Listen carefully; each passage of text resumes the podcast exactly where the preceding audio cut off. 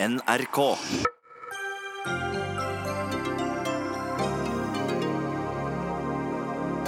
Carl I. Hagen kan få sin største drøm oppfylt.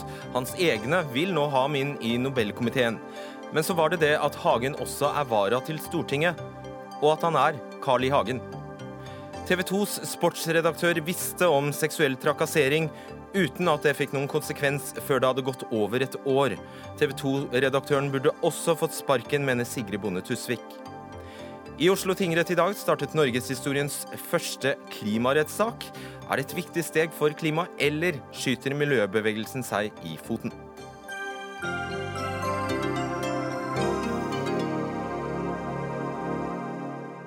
Dessuten skal vi innom eh, den nokså dramatiske situasjonen i Zimbabwe i denne Dagsnytt 18-sendingen. Mitt navn er Fredrik Solvang. Nå i ettermiddag ble det klart. Fremskrittspartiet har valgt Carl I. Hagen som partiets kandidat til Nobelkomiteen.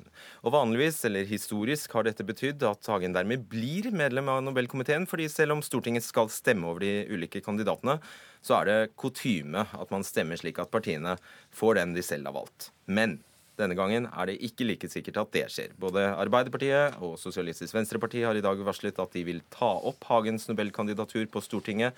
Det har nettopp også kommet eh, meldinger om at eh, Venstre-leder Trine Skei Grande mener eh, Hagen ikke kan velges som medlem av Nobelkomiteen. SV kaller det problematisk. Det er, et, det er, nemlig slik at Hagen er vararepresentant også til Stortinget. Det skal vi komme tilbake til, men først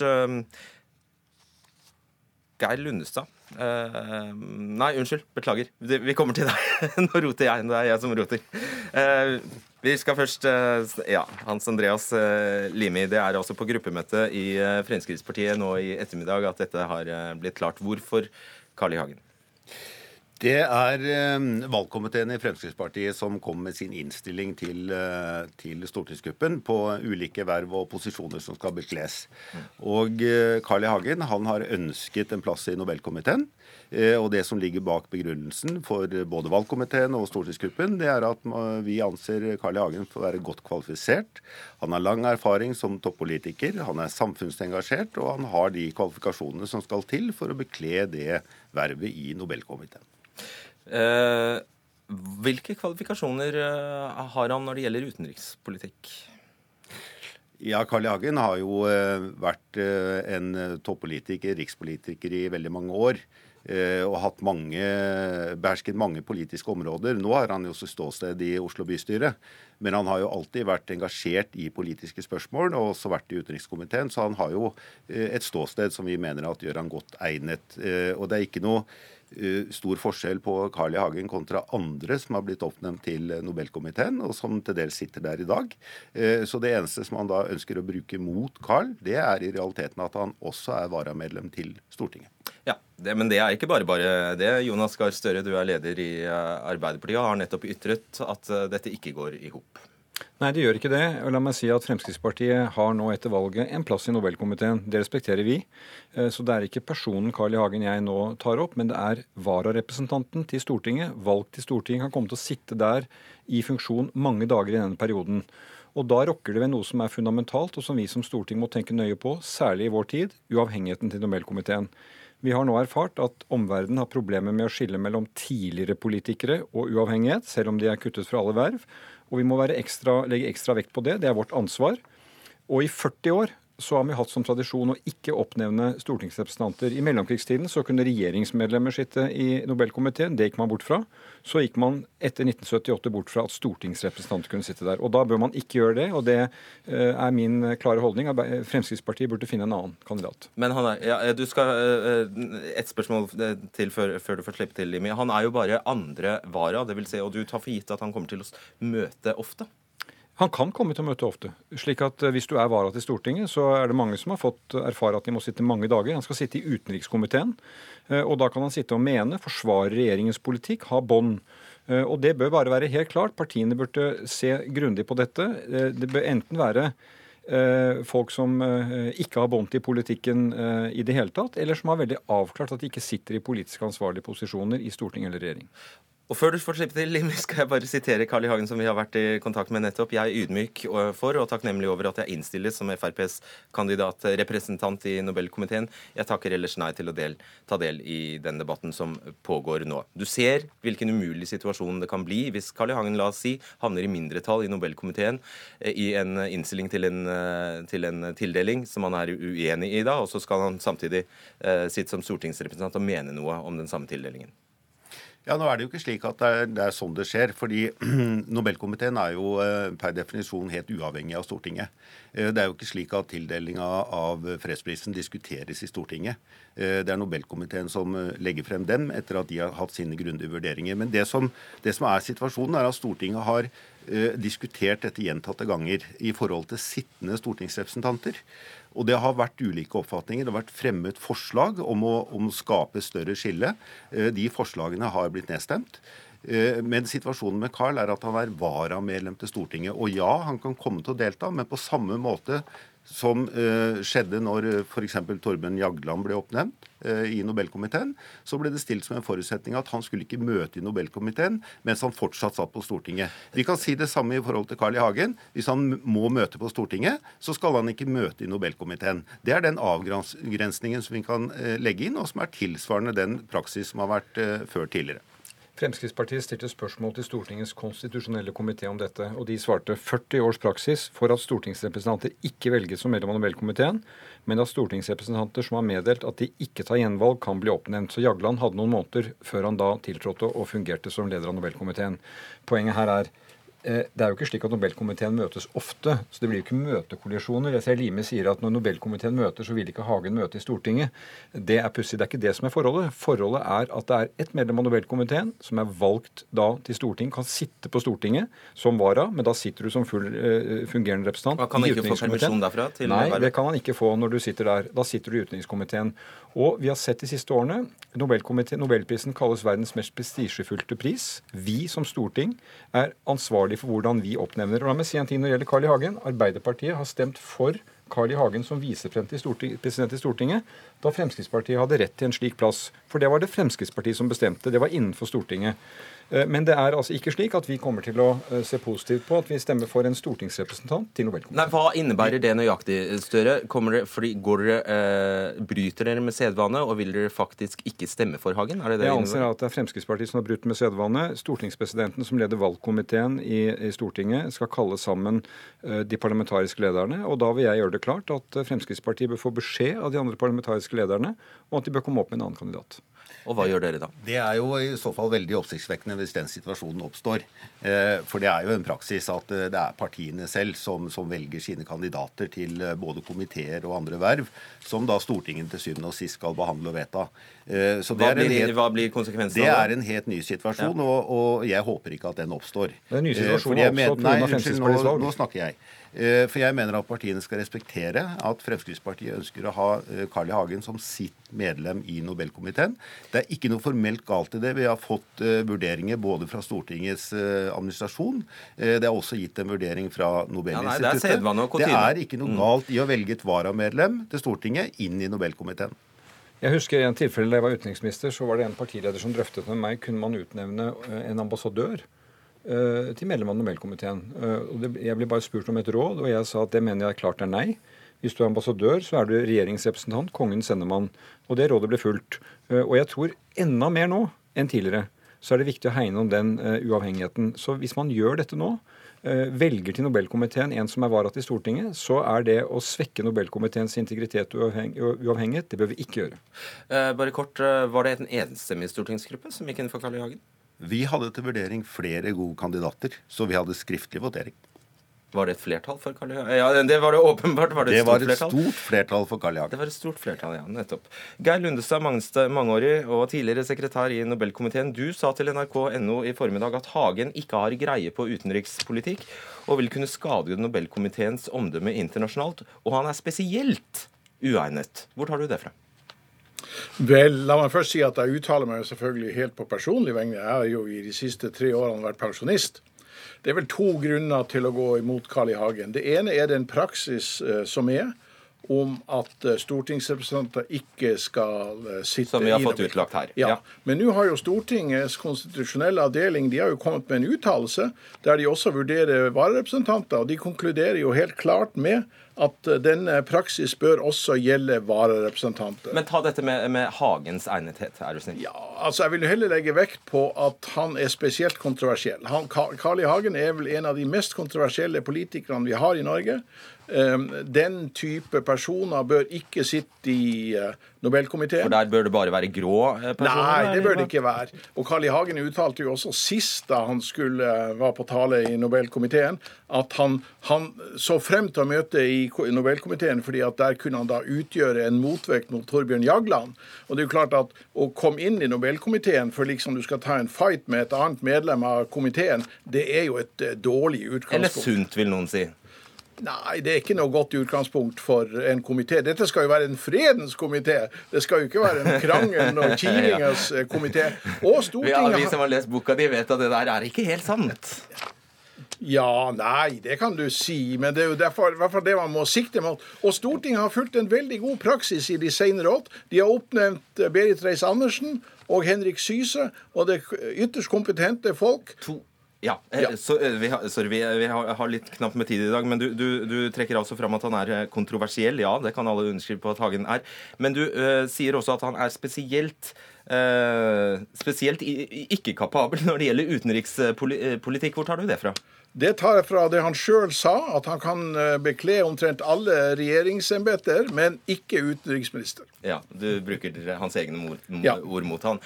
Hvis dere holder dere til ti sekunder hver, så vær så god, Støre først. jeg vil gjenta, jeg er uenig med Carl I. Hagen i mye. Det er ikke det dette gjelder. Eh, Fremskrittspartiet har den plassen, kan utnevne en representant. Men Arbeiderpartiet sier veldig klart fra. En stortingsrepresentant i Nobelkomiteen svekker Nobelkomiteen. Det bør vi ikke gå inn for. Og da må du finne en ny kandidat, Limi.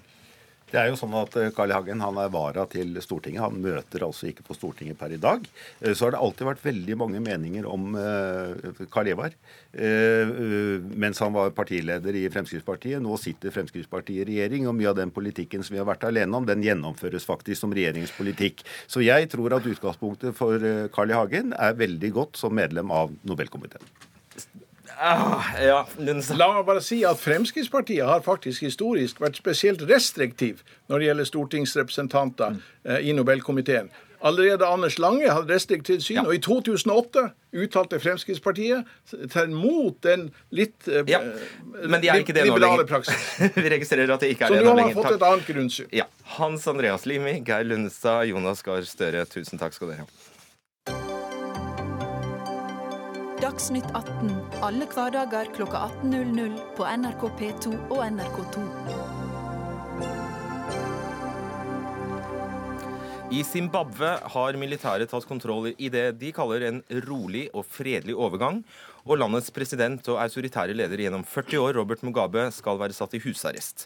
Soldater og pansrede kjøretøy ble i dag tidlig utplassert bl.a. ved nasjonalforsamlingen, kontorene til regjeringspartiet og den statlige fjernsynskanalen, men de militære avviser at det er snakk om et kupp. Tom Christiansen, utenriksmedarbeider her i NRK. Er dette siste nytt det jeg brakte nå? Ja, nesten. Eh, Mugabe er hjemme. Han eh, holdes i eh, forvaring i presidentens bolig. Ryktene går om at kona er sendt ut av landet. Ingen vet hvorfor, ingen vet hvor. Kanskje er det i Namibia hun er. Ingen vet heller hva som skal skje med Mugabe. Er han avsatt, eller skal han settes inn igjen i en litt sånn jåleposisjon, og så er det andre som styrer. Men han er så skranglete etter hvert at det er ikke så mye å hente der. Men hva går teoriene ut på, og hva er det, ikke minst, hva tror du, hvem tror du står bak? Er det altså tidligere, tidligere helsepresident, og nå må jeg holde tunga rett i munnen, Emerson Mangagwa? Var det ja, riktig? det der navnet tror jeg at du skal lære Ja, deg Ja. først som sist. Ja, ja. Fordi det som har skjedd her, er eh, for lenge siden Flere år siden så la visepresident Mangagwa en plan for hva han skal gjøre om Mugabe, gammel, dør eller på annen måte må erstattes. Han har en avtale med Forsvaret om hvordan dette skal gjøres. Det skal opprettes en samarbeidsregjering med, de, med opposisjonen. Eh, Man skal legge til rette for at de hvite farmerne som måtte rømme gårdene sine, kan komme tilbake. Han har drøftet dette med diplomater og informert folk i nabolandene. Så det har ligget en hemmelig plan. Men for Mugabe har denne planen, som er lekket til ham, for han har dette sett ut som et forsøk på statskupp. Og det som skjedde, det var jo at det var Mugabe instruert antagelig av Grace Mugabe, som sparket visepresidenten fordi han sto i veien for henne. Hun vil også bli president. For de kommer jo selvfølgelig fra samme, samme parti. Kommer fra samme parti, SANU PF, det store partiet. Yes. Den store øglen i Zimbabwisk Zimbabwes politikk. Liv Tørres, direktør ved Nobels fredssenter og tidligere generalsekretær i Norsk eh, Folkehjelp. Hva er det sannsynlig at de militære nå vil eh, gjøre, da? De, jeg tror Ja, altså dette er en maktkamp internt i SANU PF. Eh, Det er to fløyer som har kjempet om makten. Emerson Mangagwa har definitivt, ser det ut til, nå vunnet ved hjelp av militæret. Han er ingen Jeg- ungfole, skal vi legge til det? 75 Nei, han år er gammel. 75 Ja. han også. Dette er liksom the elders. Eh, Men eh, sammenlignet med Mugabe, så er han jo Da er han en ung for- Da er han en ung mann. Eh, Men, men jeg tror liksom det er viktig å ha med seg at begge disse fløyene, den andre ledes da Mugabes kone, har kjempet om makta lenge. Eh, militæret har nå tydelig tatt over med sikte på å sette han inn. Jeg tror vel ikke de kommer til å la Mugabe fortsette i presidentstolen. Det er valg i 2018. Og jeg tror vel de vil tenke at risikoen nå er for stor ved å la han fortsette i presidentstolen eh, fram til valget. De nå tror jeg de er opptatt av å ta kontrollen tilbake. De var bekymra for at Grace Mugabe skulle overta altfor mye makt før eh, valget i 2018. Så nå vil jeg tippe de setter han kanskje inn i en eller annen ja, eh, en eller annen posisjon, men tar han av og setter andre inn i makta for å sørge for at de har kontroll fram til valget i 2018. Ja, så de som måtte tolke dette som, eh, som en kime til eh, demokratiutvikling eller noe i den dur, de kan bare glemme det. Tom Ja, det er en annen historie. Sist uke så var Mangagwa sparka som landets visepresident ut av partiet helt ut. Og han er kanskje vinneren, den som kommer tilbake etter at det militære har eh, gjort sitt. Det militære i Zimbabwe har en veldig sterk posisjon, men den er diskré. Så lenge alt går for seg etter eh, slik det skal gjøres, så er det greit. Men nå hadde de altså, nå så de for seg en ung kvinne som endatil er sørafrikaner, som ikke var med i den store krigen som slutta i 1980. Som da er Grace Mugabe. Ja. Og husk at Mangagwe, han var eh, sammen med Han var i krigen, han var en kriger. Dette er ikke demokratiutvikling. Emerson Mangagwa kommer ikke til å fremme demokrati i Zimbabwe. Folket kommer ikke til å få det noe bedre. Vi snakker om 90-95 arbeidsledighet. Over 70% som lever i kronisk fattigdom. Eh, dette er egentlig den samme klikken som fortsetter styret av Zimbabwe, men med en annen leder enn Mugabe, som nå er eh, ja, på hell, kan man trygt si. 95, da er det på hell. De, de fleste på 93. Men han stiller jo til valg neste år, sa han. Ja, Og da vil han bli sittet til han var 99. Men det er ikke demokratiutvikling. Takk skal dere ha, Tom Kristiansen og Liv Tørres.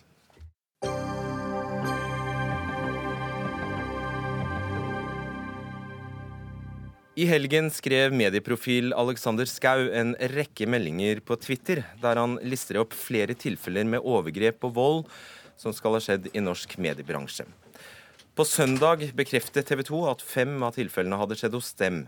I går kunne flere aviser, bl.a. Dagens Næringsliv og VG, fortelle at TV 2s sportsredaktør Vegard Jansen Hagen i over ett år satt på opplysninger om seksuell trakassering i egen redaksjon, uten at det fikk følge for den mannlige medarbeideren. I ett av tilfellene varslet en kvinnelig ansatt om at hun hadde blitt bedt av en mannlig kollega om å bli med til en rolig del av TV 2-lokalene. Mannen skal ha vært tydelig beruset. Og Da de kom inn på rommet, skal han ha begynt å kneppe opp buksene sine. Og så tok han tak i hodet hennes og trykket det hardt ned mot underlivet sitt, ifølge VGs opplysninger. Denne kvinnen rapporterte dette videre til sjefen eh, sin, og dette var deg, Vegard Jansen Hagen, sportsredaktør i TV 2. Hvilke konsekvenser fikk det? Jeg kan eh, dessverre ikke kommentere enkeltsaker. Heller ikke bekrefte på noen måte de opplysningene som eh, du kommer med her.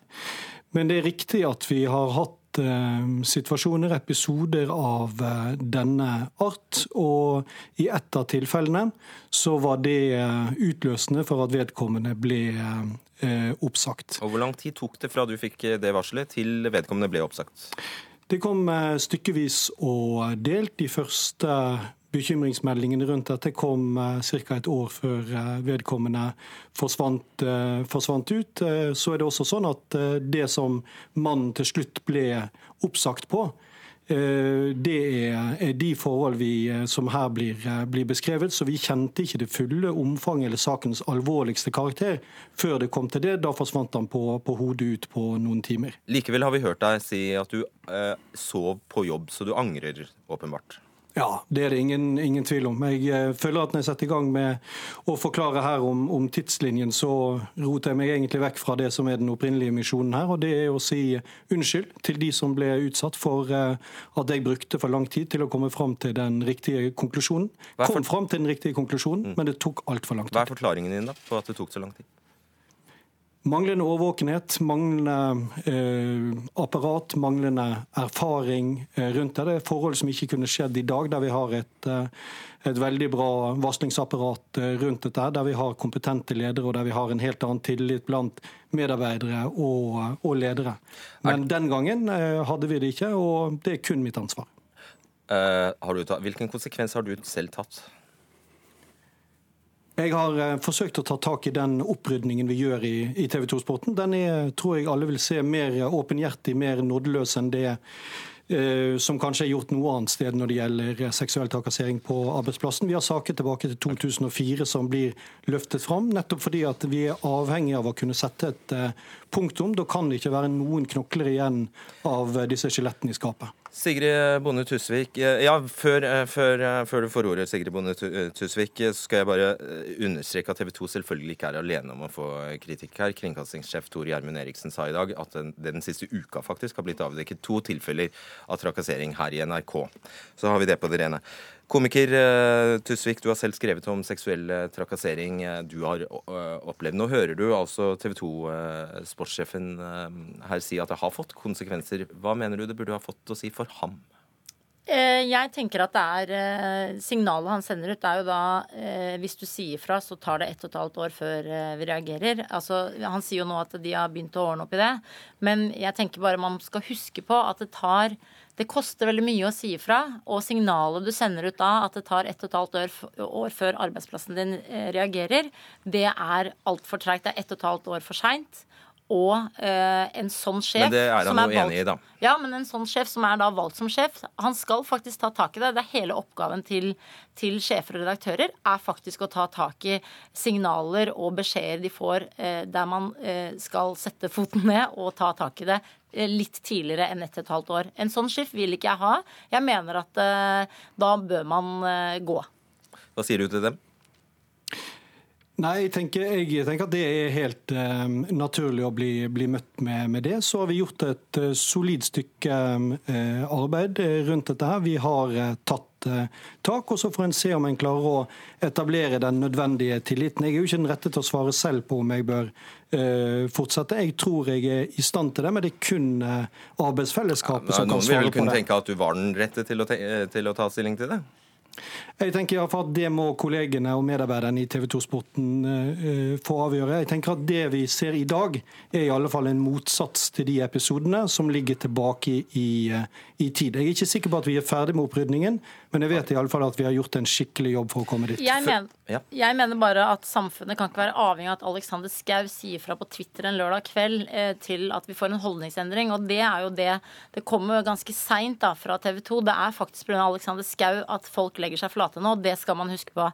Han er en pådriver for at folk faktisk må ta ansvar, og det er kjempebra. Ja, så, skal, altså, Det regner jeg bare med at du er, at du er enig i også, eh, Hagen. En liten detalj før, før vi går videre her. TV 2, Dag- Dag- Dagens Næringsliv skriver i dag at to TV 2-ansatte som fikk sparken pga. seksuell trakassering og overgrep, faktisk fikk offentlig skryt av deg før de sluttet. Stemmer det? Det er vanskelig å kommentere de enkeltsakene også som Dagens Næringsliv tar, tar opp. Men det er litt ja-nei-spørsmål? Ja, egentlig kan jeg si På generelt grunnlag kan jeg si at uh, i den grad det, det, forekommer, og det kan ha foregått, absolutt, så tenker jeg at det er en del av Du vet vel selv hvem du har skrytt av? Så tenker jeg at det er en del av den beklagelsen som en også bør gi. En del av den dyrekjøpte lærepengen. Det skal ikke skje at noen som utsetter kolleger for seksuell trakassering, får med seg rosende avskjedsord på vei ut av døren. Ok. Gard Steiro, ansvarlig redaktør og administrerende direktør i VG. Det stemmer det at nå kommer det mange avsløringer i kjølvannet av Twitter-meldingene fra Alexander eh, Skau. Er du nervøs på vegne av egen avis? Nei, jeg er ikke nervøs eh, på vegne av eh, egen avis. Nå er det TV 2 som står i stormen, og de får, ledelsen i TV 2 får etter min mening fortjent kritikk. Eh, men når VG og for så vidt andre medier òg skriver om eh, saken i TV 2 og forsømmelsene fra ledelsen i TV 2, så singler det i glass. Det tror jeg vi må erkjenne. Det fins saker tror jeg, i de fleste mediehus, også i VG, tilfeller av seksuell trakassering eh, tidligere. Noen av sakene er blitt håndtert godt, og noen av sakene er ikke blitt håndtert godt. Det som er tilfellet i VG i dag, er at jeg mener at for et par år siden så startet et viktig arbeid med å rydde opp i rutiner. Det tror jeg har fungert godt. Eh, Beskriv så bare sånn at Fordi det, det er bare farer forbi. Vi har ryddet opp og har nye rutiner. Beskriv hva det består Nei, dette, det, det, det, er to ting som er blitt gjort. Varslingsrutinene er blitt bedre. De lederne som er satt til å håndtere denne type saker, er blitt bedre skolert, og vi har fått bedre trening i å håndtere sakene. Utfordringen vår er at det fins eksempler tilbake i tid der vi ikke har håndtert sakene godt. Det har gjort noe med tilliten til ledere i mediehusene, som jeg frykter har ført til at færre har varslet om forhold enn det som kunne vært tilfellet. Skjeletter i skapet? på Ja, Om det er skjeletter i skapet, det vet jeg ikke. Men det er i fall, altså jeg synes at det er, det er, ganske viktig nå at dette ikke blir en debatt om TV 2 alene. Mm. Altså dette, et, dette tror jeg er et, et, en utfordring for mange mediehus, inkludert VG. Og det å bare, nå, bare gjøre dette til TV 2-problem, det blir feil. Bonde Tusvik, du sier du er glad for at uh, Alexander Schou uh, satte i gang uh, dette. Hvor, hvorfor det? Det var fordi at uh, før han begynte å tvitre på lørdag kveld, så var det på vei til å fade ut denne metoo-kampanjen i Norge. Der man ser Sverige, der det er fullstendig apokalypse, så var det på vei til å bare svinne hen i Norge. Det er alle vi som mener at det er en viktig debatt, heiet på at nå må det komme mer. Nå må folk stå fram. Nå må folk si ifra. Dette er en kjempeviktig global kampanje. Derfor så heier jeg på Alexander, som faktisk satte dagsordenen dagsordenen igjen og konkret gikk inn med eksempler. Og det er det man trenger. Man, det handler, Metoo-kampanjen er ekstremt enkel. Det handler bare om seksuell trakassering, og at folk eh, tar ansvar for det. Metoden og måten dette gjøres på, altså at han slenger ut en rekke helt konkrete eksempler uten å navngi, fører jo til ville spekulasjoner og en enorm rykteflom. Absolutt. Hvordan kan det være bra? Nei, det er jeg enig i at det kan jo hende at det er bedre å navngi noen. Men eh, hvis du allerede har et rykte på deg eh, som er feil, så bør man jo gå ut og si at man ikke har gjort noe galt. Da. Altså, nå er det en åpenhetskampanje, så nå er det bare Eh, den som har gjort noe galt, må stå til ansvar, og sjefer må ta tak i dette. Og eh, vice versa. Hvis du ikke har gjort noe galt, så får du skrive en kronikk da, og si at du ikke har gjort noe galt. Da blir det mange kronikker, da. Ja, men det gjør ingenting. Ja. Det er en kjempeviktig kampanje. Metoo omhandler ikke bare mediebransjen. Det er ikke noe med NRK og TV 2 å gjøre. Det har med leger, sykehus, advokater, meglere alle arbeidsplasser driver med eh, og sliter med seksuell trakassering. Det er kjempeviktig. Hagen, hva syns du om at andre medieledere ikke ikke har eh, benyttet anledningen og gått ut og bekjent? Om det tenker jeg først og fremst at vi får, eh, vi får, feie for eh, egen dør. Men jeg tenker jeg vil bli veldig overrasket hvis eh, noe som jeg er helt enig i er et åpenbart samfunnsproblem, og ikke minst et bransjeproblem for oss i mediebransjen, skulle zoomes inn til å kun gjelde TV 2-sporten. At vi skulle ende opp med alle gærningene i denne bransjen i, i Norge. Sterro, dette er jo en gyllen anledning til å fortelle, fortelle om eksemplene fra egen, eget avishus. Ja, og det tror jeg vi kommer til å gjøre. Vi, altså vi allerede før dette startet, eh, så altså, Jeg tror denne prosessen i VG begynte kanskje noe tidligere enn i TV 2. fordi at vi så allerede i fjor at vi hadde utfordringer med seksuell trakassering. Men da må jeg bare avbryte. Er det ikke da helt sprøtt at du ikke har gått ut med det ennå? Nei, men jeg tror vi, det vi har gjort, er å jobbe med rutinene eh, rundt det. Eh, Og det, det er jo det jeg oppfatter òg at egentlig Jansen Hagen sier. Sant? At her har ikke systemet vært godt nok, og det har ført til at dette kunne skje. Det Vi gjorde, vi var ikke så opptatt av å gå ut med sakene. Det vi var opptatt av var å rydde opp og prøve å få et system på plass for å unngå at dette skulle kunne skje igjen. Men ser du ikke, Det er jo nettopp det som er Tusviks, Bonde Tusviks poeng, at hvis man går ut, så, pre, så kan det virke preventivt, og så kan det virke på den måten at flere vil stå fram, og så kanskje blir vi kvitt onde.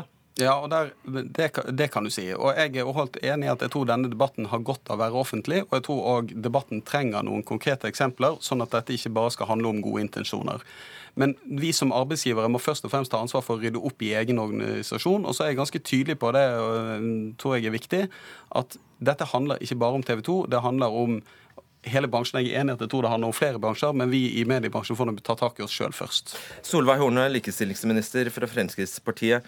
Hvordan skal en arbeidsgiver oppføre seg i eh, møte med uønsket seksuell trakassering? Seksuell trakassering er altså uakseptabelt, og det er eh, forbudt. Og alle arbeidsgivere, om det er i mediebransjen eller om det er i statlige og kommunale virksomheter, de har en plikt til aktivt å arbeide mot seksuell trakassering, og skal sette inn tiltak eh, hvis det er nødvendig. Så det er en plikt som er veldig som er Så de rutinene. Steiro snakker om, de skulle bare mangle. De følger av loven. Ja, altså Alle arbeidsgivere har en plikt til, til å arbeide mot seksuell trakassering og ha gode rutiner, sette dette på dagsorden og handle hvis det er, eh, det er nødvendig. Og det mener jeg at det er viktig at eh, altså Kanskje, kanskje at denne, denne kampanjen nå bidrar til at vi har fått løfta fram eh, seksuell trakassering. Vi har fått historier som har berørt oss alle sammen. Og det mener jeg det kan godt òg være med å, å hjelpe nå arbeidsgiveren til å virkelig sette dette på dagsorden, for det er uakseptabelt. Og så ser du også, som alle andre, at dette kaster et mistankens lys over veldig mange som kanskje er helt uskyldige. Du er likestillingsminister. Er det greit? Det er viktig for meg som likestillingsminister å understreke at seksuell trakassering det er et stort likestillingsproblem. Og vi ser av undersøkelser at spesielt unge jenter er utsatt for dette. Og når det er så tydelig i likestillingsloven at seksuell eh, trakassering er forbudt, og at arbeidsgivere har plikt til å jobbe mot dette, ja da mener jeg at da er det, er det som er arbeidsgiverens plikt til, til å, å sette dagsorden på dette. Jeg tenkte egentlig motsatt. Jeg tenkte på, Er det ikke urettferdig overfor mennene at, at alle menn i mediebransjen eksempel, skal, få, skal bli mistenkeliggjort?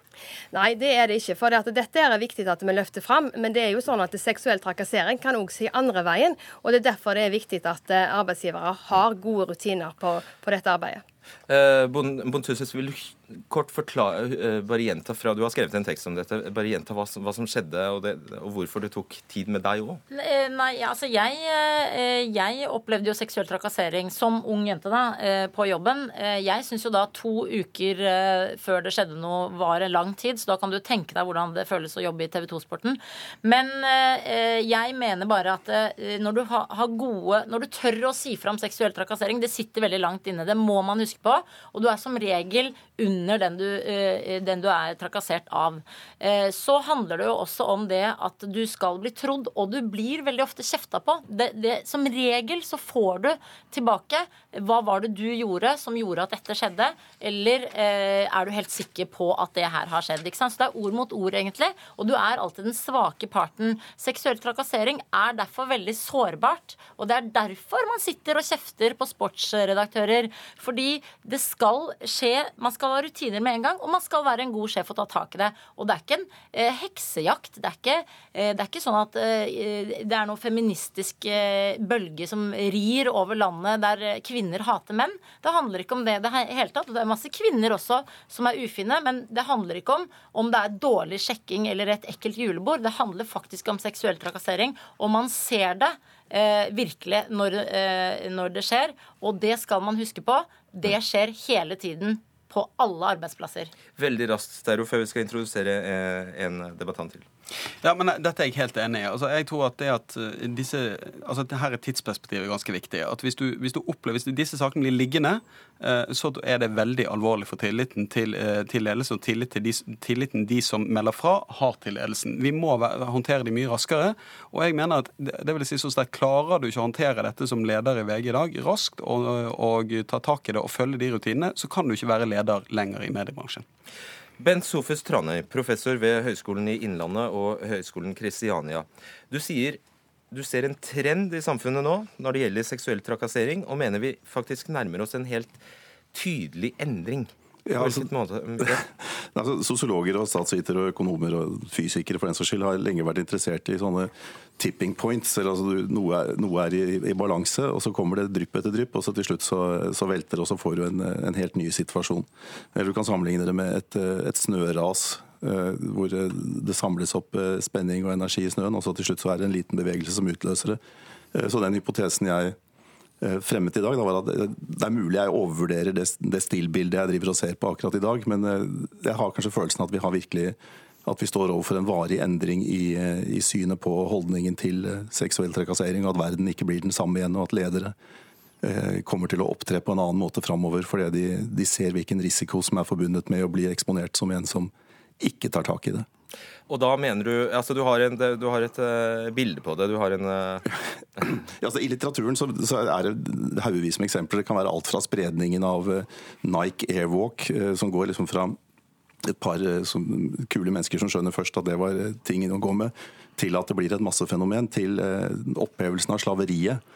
Eller holdningen til røyking. Det er sånne bevegelser hvor noen går foran Eh, det er sosialt akseptert. Det er en form for conventional wisdom. At, altså, slaveri var akseptert av intelligente og tilsynelatende siviliserte mennesker. Afrikanere hadde ikke rett på de samme eh, rettighetene som eh, vi hvite hadde. Og så begynte kvekerne å, å si at dette er umoralsk, og brukte Bibelen og brukte en ganske sånn stringent moralsk argumentasjon. Og så på et eller annet tidspunkt så tippa det. Mm. Men jeg, ja.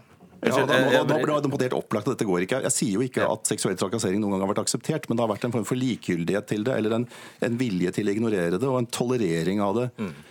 I enkelte kulturer. formelle strukturer har sagt at det er forbudt, men i uformelle kulturer så har det vært en slags eh, jeg tenker, altså jeg tenker helt annerledes om det nå enn jeg gjorde for tre uker siden. Nettopp. Eh, bare en liten eh, innvending der. altså Når du viser til f.eks. Uh, slaveriet, så var det jo dessverre sånn at uh, rasesegregeringen aldeles ikke opphørte i USA. Så det trenger dette å være et symbol på at vi e, for evig og alltid er, er blitt likestilt, eller mer likestilt nei. på dette området? Nei, nei, jeg sier ikke at rasismen tok slutt. Men slaveriet, som er den grusomme institusjonaliserte formen for rasisme, eh, tok slutt. Mener, altså, folk, altså, altså, det blir litt rare bilder der, men altså, folk smugrøyker fortsatt, selv om det dominerende bildet nå er at eh, det ikke er ålreit å røyke. Da jeg var student på 80-tallet, så satt vi og røyka i hele SV-kantina. og det var liksom Folk som ikke røyka, hadde det var deres problem. Eh, sånn, men hvis vi prøver å snevre inn på akkurat det vi snakker om nå, da, mm. så tror jeg det nå vil oppstå et klima etter hvert. Eh, jeg vil i hvert fall nå få et klima som gjør at når en leder hører om seksuell trakassering, så kommer vedkommende til å skjønne bedre hva det handler om. Han kommer til å mer oppmerksomhet rundt ofrenes situasjon. og han, skjønne, han, eller hun kommer til å skjønne mer hva som står på spill for seg selv hvis du ikke tar tak i det. Ja, og da vil, jeg, eh, da vil, jeg, bare avslutte med å spørre deg, Vegard Jansen Hagen. Hva er det første du gjør nå, eh, hvis du kommer over for en eh, sånn sak? Hva har du lært? Nei, Du har iallfall eh, lært at, eh, å, å, lytte bedre og bruke de varslingsrutiner, det apparatet som, eh, som, finnes, og være en bedre sjef. Jeg er overbevist om at dette ikke kan drives av sjefenes frykt for å bli eksponert for å gjøre en dårlig jobb, men rett og slett at en har kompetanse og en har en ekte motivasjon for å ta tak i disse sakene og praktisere nulltoleranse for seksuell trakassering på arbeidsplassen. Jeg hadde tenkt å avslutte der, men jeg fikk på øret mens du snakket, Jansen Hagen, at NRK er i ferd med å publisere en nyhet om at eh, VG kjente til en trakasseringssak, men likevel valgte å ansette vedkommende. Kommentar. Ja, Den saken uh, har vi svart uh, flere om i dag. Altså, dette dreier seg om uh, en enkeltsak som jeg syns er veldig vanskelig å gå inn i som enkeltsak. Det, men det jeg har sagt på helt generelt nivå, er at det er nulltoleranse i VG mot seksuell trakassering. Det har det alltid vært. I noen tilfeller, etter en del vurderinger, så mener jeg at også de som har gjort noe galt, fortjener noen ganger en ny sjanse. Og Da er det noen forutsetninger må være til stede, og folk må ta et oppgjør med det det har gått galt. Men det er ikke sånn at en som har gjort en, en feil én gang, eh, ikke nødvendigvis kan få en andre sjanse. Dette kommer vi tilbake til. Takk skal dere ha, Gahr Steiro, Solveig Horne, Sigrid Bonde Tusvik, Vegard Jansen Hagen og Ben Sofus Tranøy.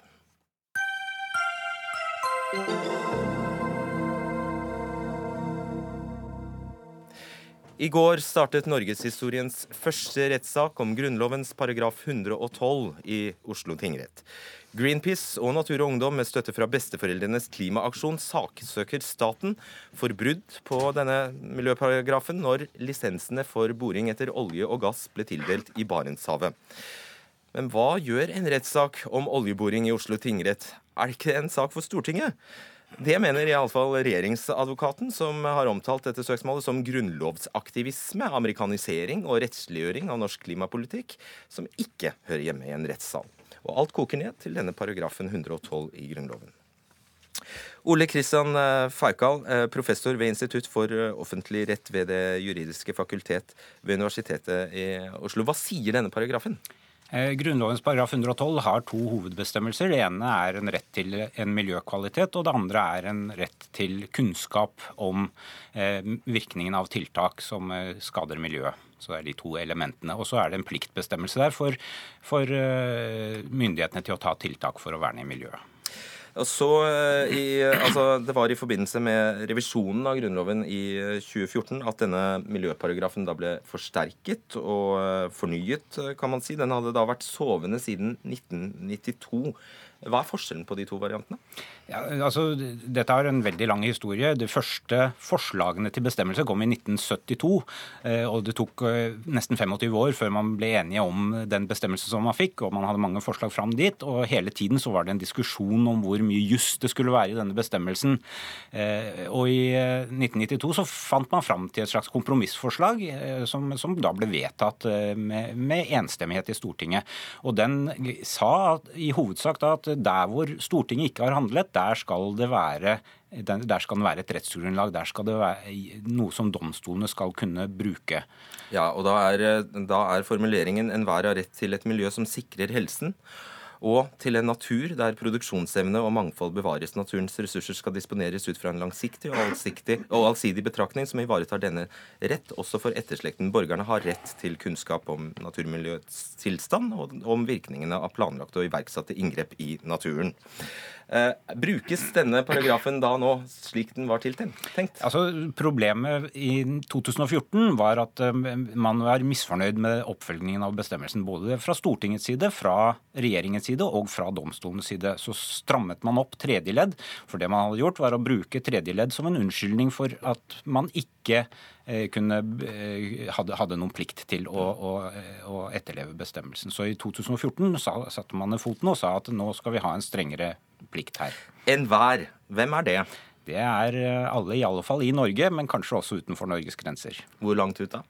Ja, Det kommer nok litt an på, men, eh, men, man må jo være relativt direkte berørt av et eller annet som har skjedd i Norge. altså oh, ja. under norsk herredømme. Svensker og dansker eller russere? Ja, noen som er direkte berørt av noe som skjer i Norge. Ok. Fagdirektør ved Norges nasjonalinstitutt for, for menneskerettigheter, Anine Kierulf. Du har doktorgrad i domstolenes prøvingsrett. Passer denne saken seg i retten? Ja, Det kan man jo alltid spørre om, og da må man nesten gå inn i, i sakens substans. Eh, men hvis vi løfter blikket litt og ser på, eh, på si, det du startet med, nemlig at dette er en, eh, en rettsliggjøring av politikken og en amerikanisering av, av norsk prosess osv., så, så stemmer ikke det helt. Vi har en lang tradisjon i Norge for at politiske vedtak må holde seg innenfor Grunnlovens grenser. Og eh, i den grad man mener at de ikke gjør det, så kan man prøve det for domstolene. Da har domstolene ikke bare en rett, men også en plikt til å la Grunnloven gå foran dersom man er eh, av den oppfatning at et vedtak eller en lov strider mot Grunnloven. Men er det bare noen som ikke har vært helt våkne og prøvd eh, akkurat denne paragrafen tidligere, da? Det kan du si. Den er jo relativt ny, så dette er jo relativt raskt etter at den ble eh, strammet inn, sånn som vi hørte. Um, men at dette skjer under andre paragrafer, det er ikke noen stor sjeldenhet. Eh, Det skjer ikke veldig hyppig, og vi har ikke amerikanske tilstander, slik det av og til advares mot, men prinsippet er for så vidt det samme. Domstolene har siste ord om hvordan Grunnloven er å tolke. Det kan jo høres rart ut at domstolene skal kunne overprøve våre folkevalgte, men det er ikke rarere enn at de folkevalgte da har muligheten til å endre Grunnloven igjen i neste omgang. Ja, etter to storting. Det er ikke veldig enkelt. Ta, eh, Stridens kjerne her er jo oljelisenser i Barentshavet. Det er da et utsøkt politisk spørsmål. Det er det, men det er mange ting som kan konstrueres som politiske spørsmål. Og hvis det skulle være grensen for hva man kunne prøve i domstolene, ting som har politisk effekt, så ville vi ikke hatt rederiskattsaken i 2010, ville vi ikke hatt krigsforbrytersaken, ville vi ikke hatt eh, Kløfta-saken. Det er masse saker i norsk historie som er helt grunnleggende viktige saker, som vi aldri hadde hatt. Og de har eh, store politiske konsekvenser. Så det er ikke skillelinjen mellom hva som bør og ikke bør i domstolene. Det som er et spørsmål når det gjelder denne type, denne type sak som vi, vi her står overfor, det er jo med en bestemmelse som er såpass vagt formulert, hvor grensene ikke er veldig klare, så er det jo ikke så godt å si da hva som er lovlig politisk virksomhet, og hva som er grunnlovsstridig. Eh, Det eh, kan man jo tenke, la oss si man har en annen grunnlovsparagraf som sier at ingen lov skal ha tilbakevirkende kraft. Den høres jo helt klar ut. Men selv den har jo brakt utrolig mye spørsmål opp i, doms, opp i domstolene i løpet av eh, de siste 150 årene. Nettopp. Peter Frølich, du er jurist og medlem av Stortingets justiskomité, og her enig med riks, nei, regjeringsadvokaten og implisitt uenig med Anine Kierulf. Hvorfor hører ikke denne saken hjemme i Oslo tingrett? Altså, De må gjerne prøve saken for eh, domstolene. Det, det skal jeg ikke henge meg opp i. Det har de en rett til. Men denne saken håper jeg og tror jeg kommer til å falle i domstolen. Og det er i så fall veldig bra. Og Grunnen til det er at man da beholder makten den hører hjemme for sånne spørsmål, nemlig i Stortinget og i demokratisk valgte, valgte organer. Altså Én ting er på en måte konsekvensen av hva en dom i dette tilfellet ville være. Det ville mest sannsynlig, som, som regjeringsadvokaten også har pekt på, være avskaffelse av store deler av norsk olje- og gassvirksomhet. Det er på en måte én konsekvens. Men det som er mye verre, er at jeg mener vi ville tatt et markant steg vekk fra det som har vært norsk rettstradisjon i eh, i alle fall over 200 år, eh, og gått i retning av det som er veldig treffende kalt amerikanske tilstander. Så må jeg bare gå litt til rette med det. eh, Ja, og med det mener du bare utdyp det. Ja, eh, vel, med det mener jeg at eh, man flytter politikken inn i domstolene. Det vil føre til at eh, vi får mer politiske utnevnelser av dommere, f.eks., sånn som vi ser i USA. I, i, i amerikanske høyesterett så er det jo f.eks. Eh, retten til å få helseforsikring eller retten til abort. Det, det avhenger jo av hvem du putter inn der som dommere. Sånn vil vi ikke ha det i Norge. Sånn kommer vi heldigvis heller ikke til å få det hit. fordi dette søksmålet håper og tror jeg kommer til å falle. Uh, og det har selvfølgelig ingenting å gjøre med at du er veldig for åpning av 23. konsesjonsrunde. Vel, altså eh, jeg, Nei, jeg har veldig- jeg har veldig- prinsipielt, Jeg har veldig respekt for at man uh, prøver forvaltningsvedtak osv., men dette er mer en kampanje og et skuespill enn en reell prøving. Kan det ha vært dette Stortinget virkelig mente? Eh, ja, Noe mente de jo åpenbart, og Høyre understreket jo i, i Stortinget at eh, de ønsket å vedta den paragrafen nettopp fordi tredje ledd ble strammet inn, og, og markerte at det var en rettighet her. Så hvis man drev og vilkårlig helte olje ut i, i fuglereservatet f.eks., så kunne man jo ha en, en enda tydeligere sak som det var helt klart at man burde prøve for domstolen, og som domstolen antageligvis ville slått ned på. Sånn at eh, her er man jo åpenbart farvet av sitt syn på utfallet av denne aktuelle saken, og det er ikke noe nytt. Det vil jeg bare si, for det er helt gjennomgående når du ser på diskusjonen av domstolenes prøvingsrett opp gjennom historien.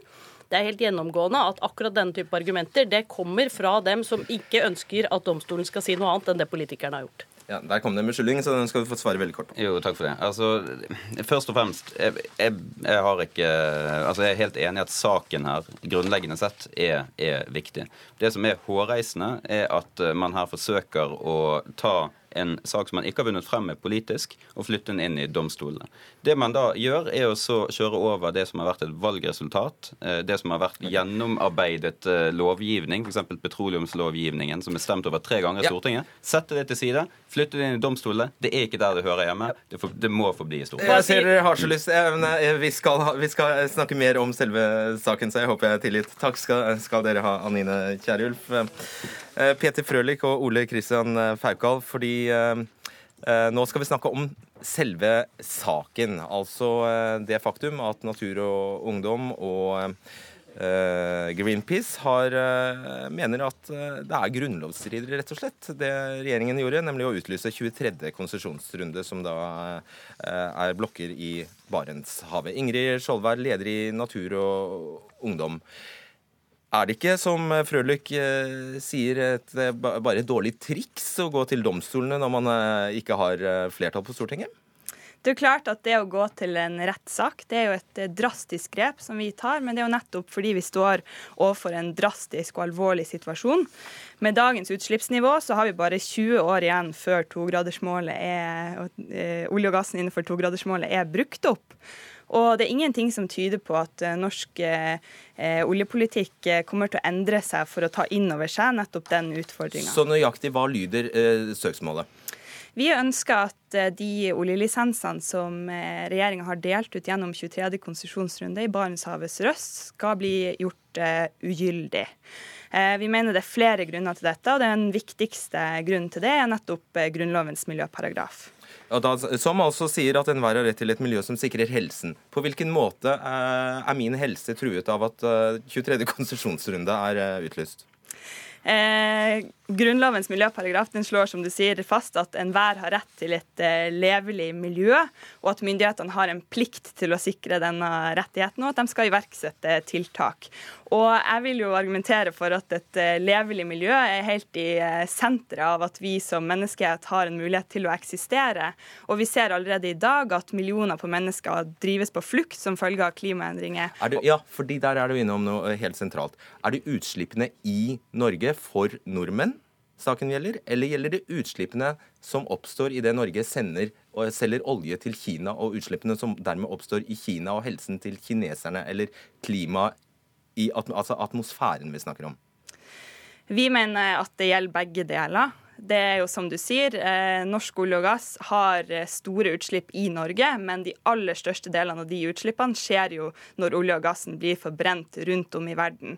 Og samla sett så fører dette til store konsekvenser eh, over okay. hele verden, også i Norge. Grei avklaring. Karl Eirik Skjøtt Pedersen, administrerende direktør i Norsk olje og gass. Hva blir konsekvensene om de faktisk vinner fram?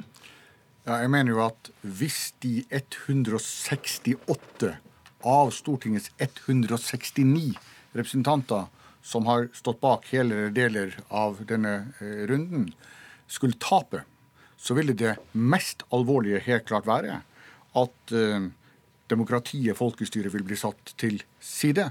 Og vi ville fått det som var omtalt i forrige runde, som en amerikansk Satt til side? Ja, fordi da er det grunnlovsbrudd?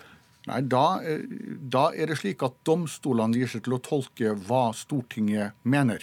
Og det er altså et overveldende flertall. Det er kun én eneste representant i Stortinget som har, eh, som har vært imot hele denne runden. og Derfor vil det være svært Er det ikke det eh, domstolen er satt til å gjøre? Tolke lovene? Domstolen er satt til å tolke hva som ligger i grunnlovsbestemmelsen. Og denne grunnlovsbestemmelsen er gitt av Stortinget kort tid tilbake. Og Stortinget har kort tid tilbake mot én en eneste stemme slutta seg til helt eller delvis å gjennomføre denne runden. Det er jo sånn at Grunnlovens miljøparagraf ble vedtatt av en grunn det som, innholdet som står der, det må jo også bety eh, at det skal ha noe virkning over den politikken som føres. Og sånn som vi opplever det i dag, så er det sånn at norsk klimapolitikk foregår på den ene sida, og norsk oljepolitikk får holde på litt som den vil på andre sida. Eh, og det som virkelig vil være, være skadelig for vår felles eh, framtid og for vår rett til et levelig miljø, er jo dersom norsk olje og gass, eh, sånn som i dag, får lov til å i altfor stor grad definere norsk eh, oljedebatt. For det første så er det jo slik at for Nordpolen, for Arktis, så har klimagassutslipp i Australia akkurat samme virkning som om disse utslippene skjer i Tromsø. Det går jeg ut fra vi er enige om. De er helt avhengig av hvor på kloden de skjer.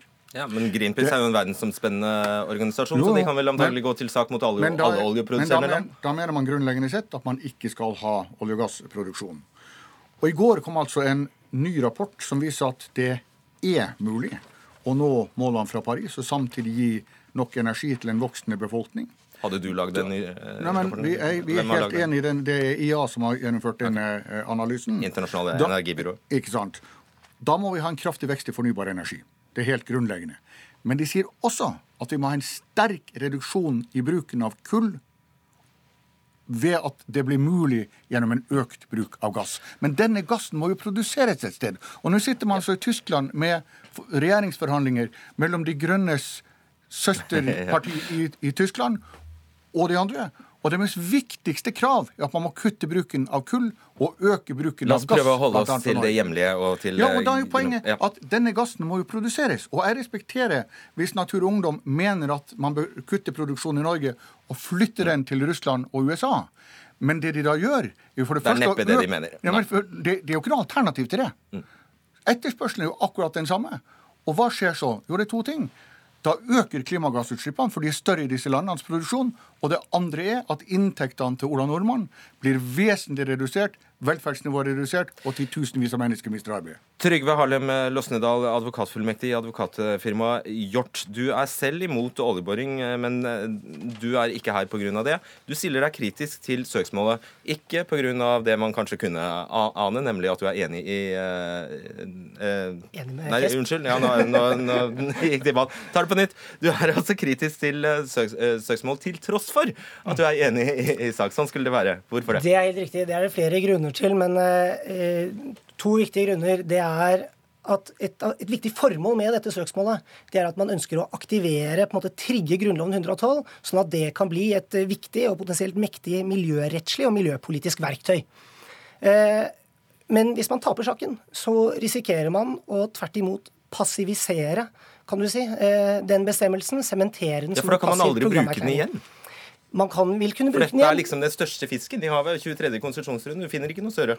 Det er riktig. Det er, dette er jo søksmål som eh, du, du går etter den største fisken. Og hvis du taper eh, den største kampen, så tror jeg at lufta vil gå litt ut av ballongen for å forsøke nye søksmål senere. Og i tillegg så tror jeg at eh, man kunne funnet andre Ja, hva da? Hva kunne de miljørettslige ha saker. tatt? De kunne ha tatt eh, eh, gruvedumping, altså dumping av gruveslam i Førdefjorden. Mm. De kunne tatt eh, de høye luft, høy luftforurensning i Oslo og Bergen. Altså, det ville vært kjempeinteressant, for der har du noen menneskers frihet til å bevege seg fritt. Den fratas fordi at det er så eh, ille miljø. Unnskyld. Hvis, jorda er, eh, hvis kloden er i ferd med å eh, varme, varmes opp, uforsvarlig varmes opp, så hjelper det ikke akkurat å gå til sak om luftforurensning i Oslo og Bergen, gjør det det? Eh, ja, men man må, skal du vinne en krig, så må du bygge en hær skritt for skritt, kan man si. Og her har man eh, Ja, du skal få svare på det. Ja, det er jo helt eh, klart at eh, klimasaken er en vanskelig sak i så måte, og det anerkjenner vi også. Samtidig så er det den største utfordringa verden står overfor i dag. Og Ja, men dere har gapt for stort. Dette er, dere har tatt for stor risiko, sier Losnedal.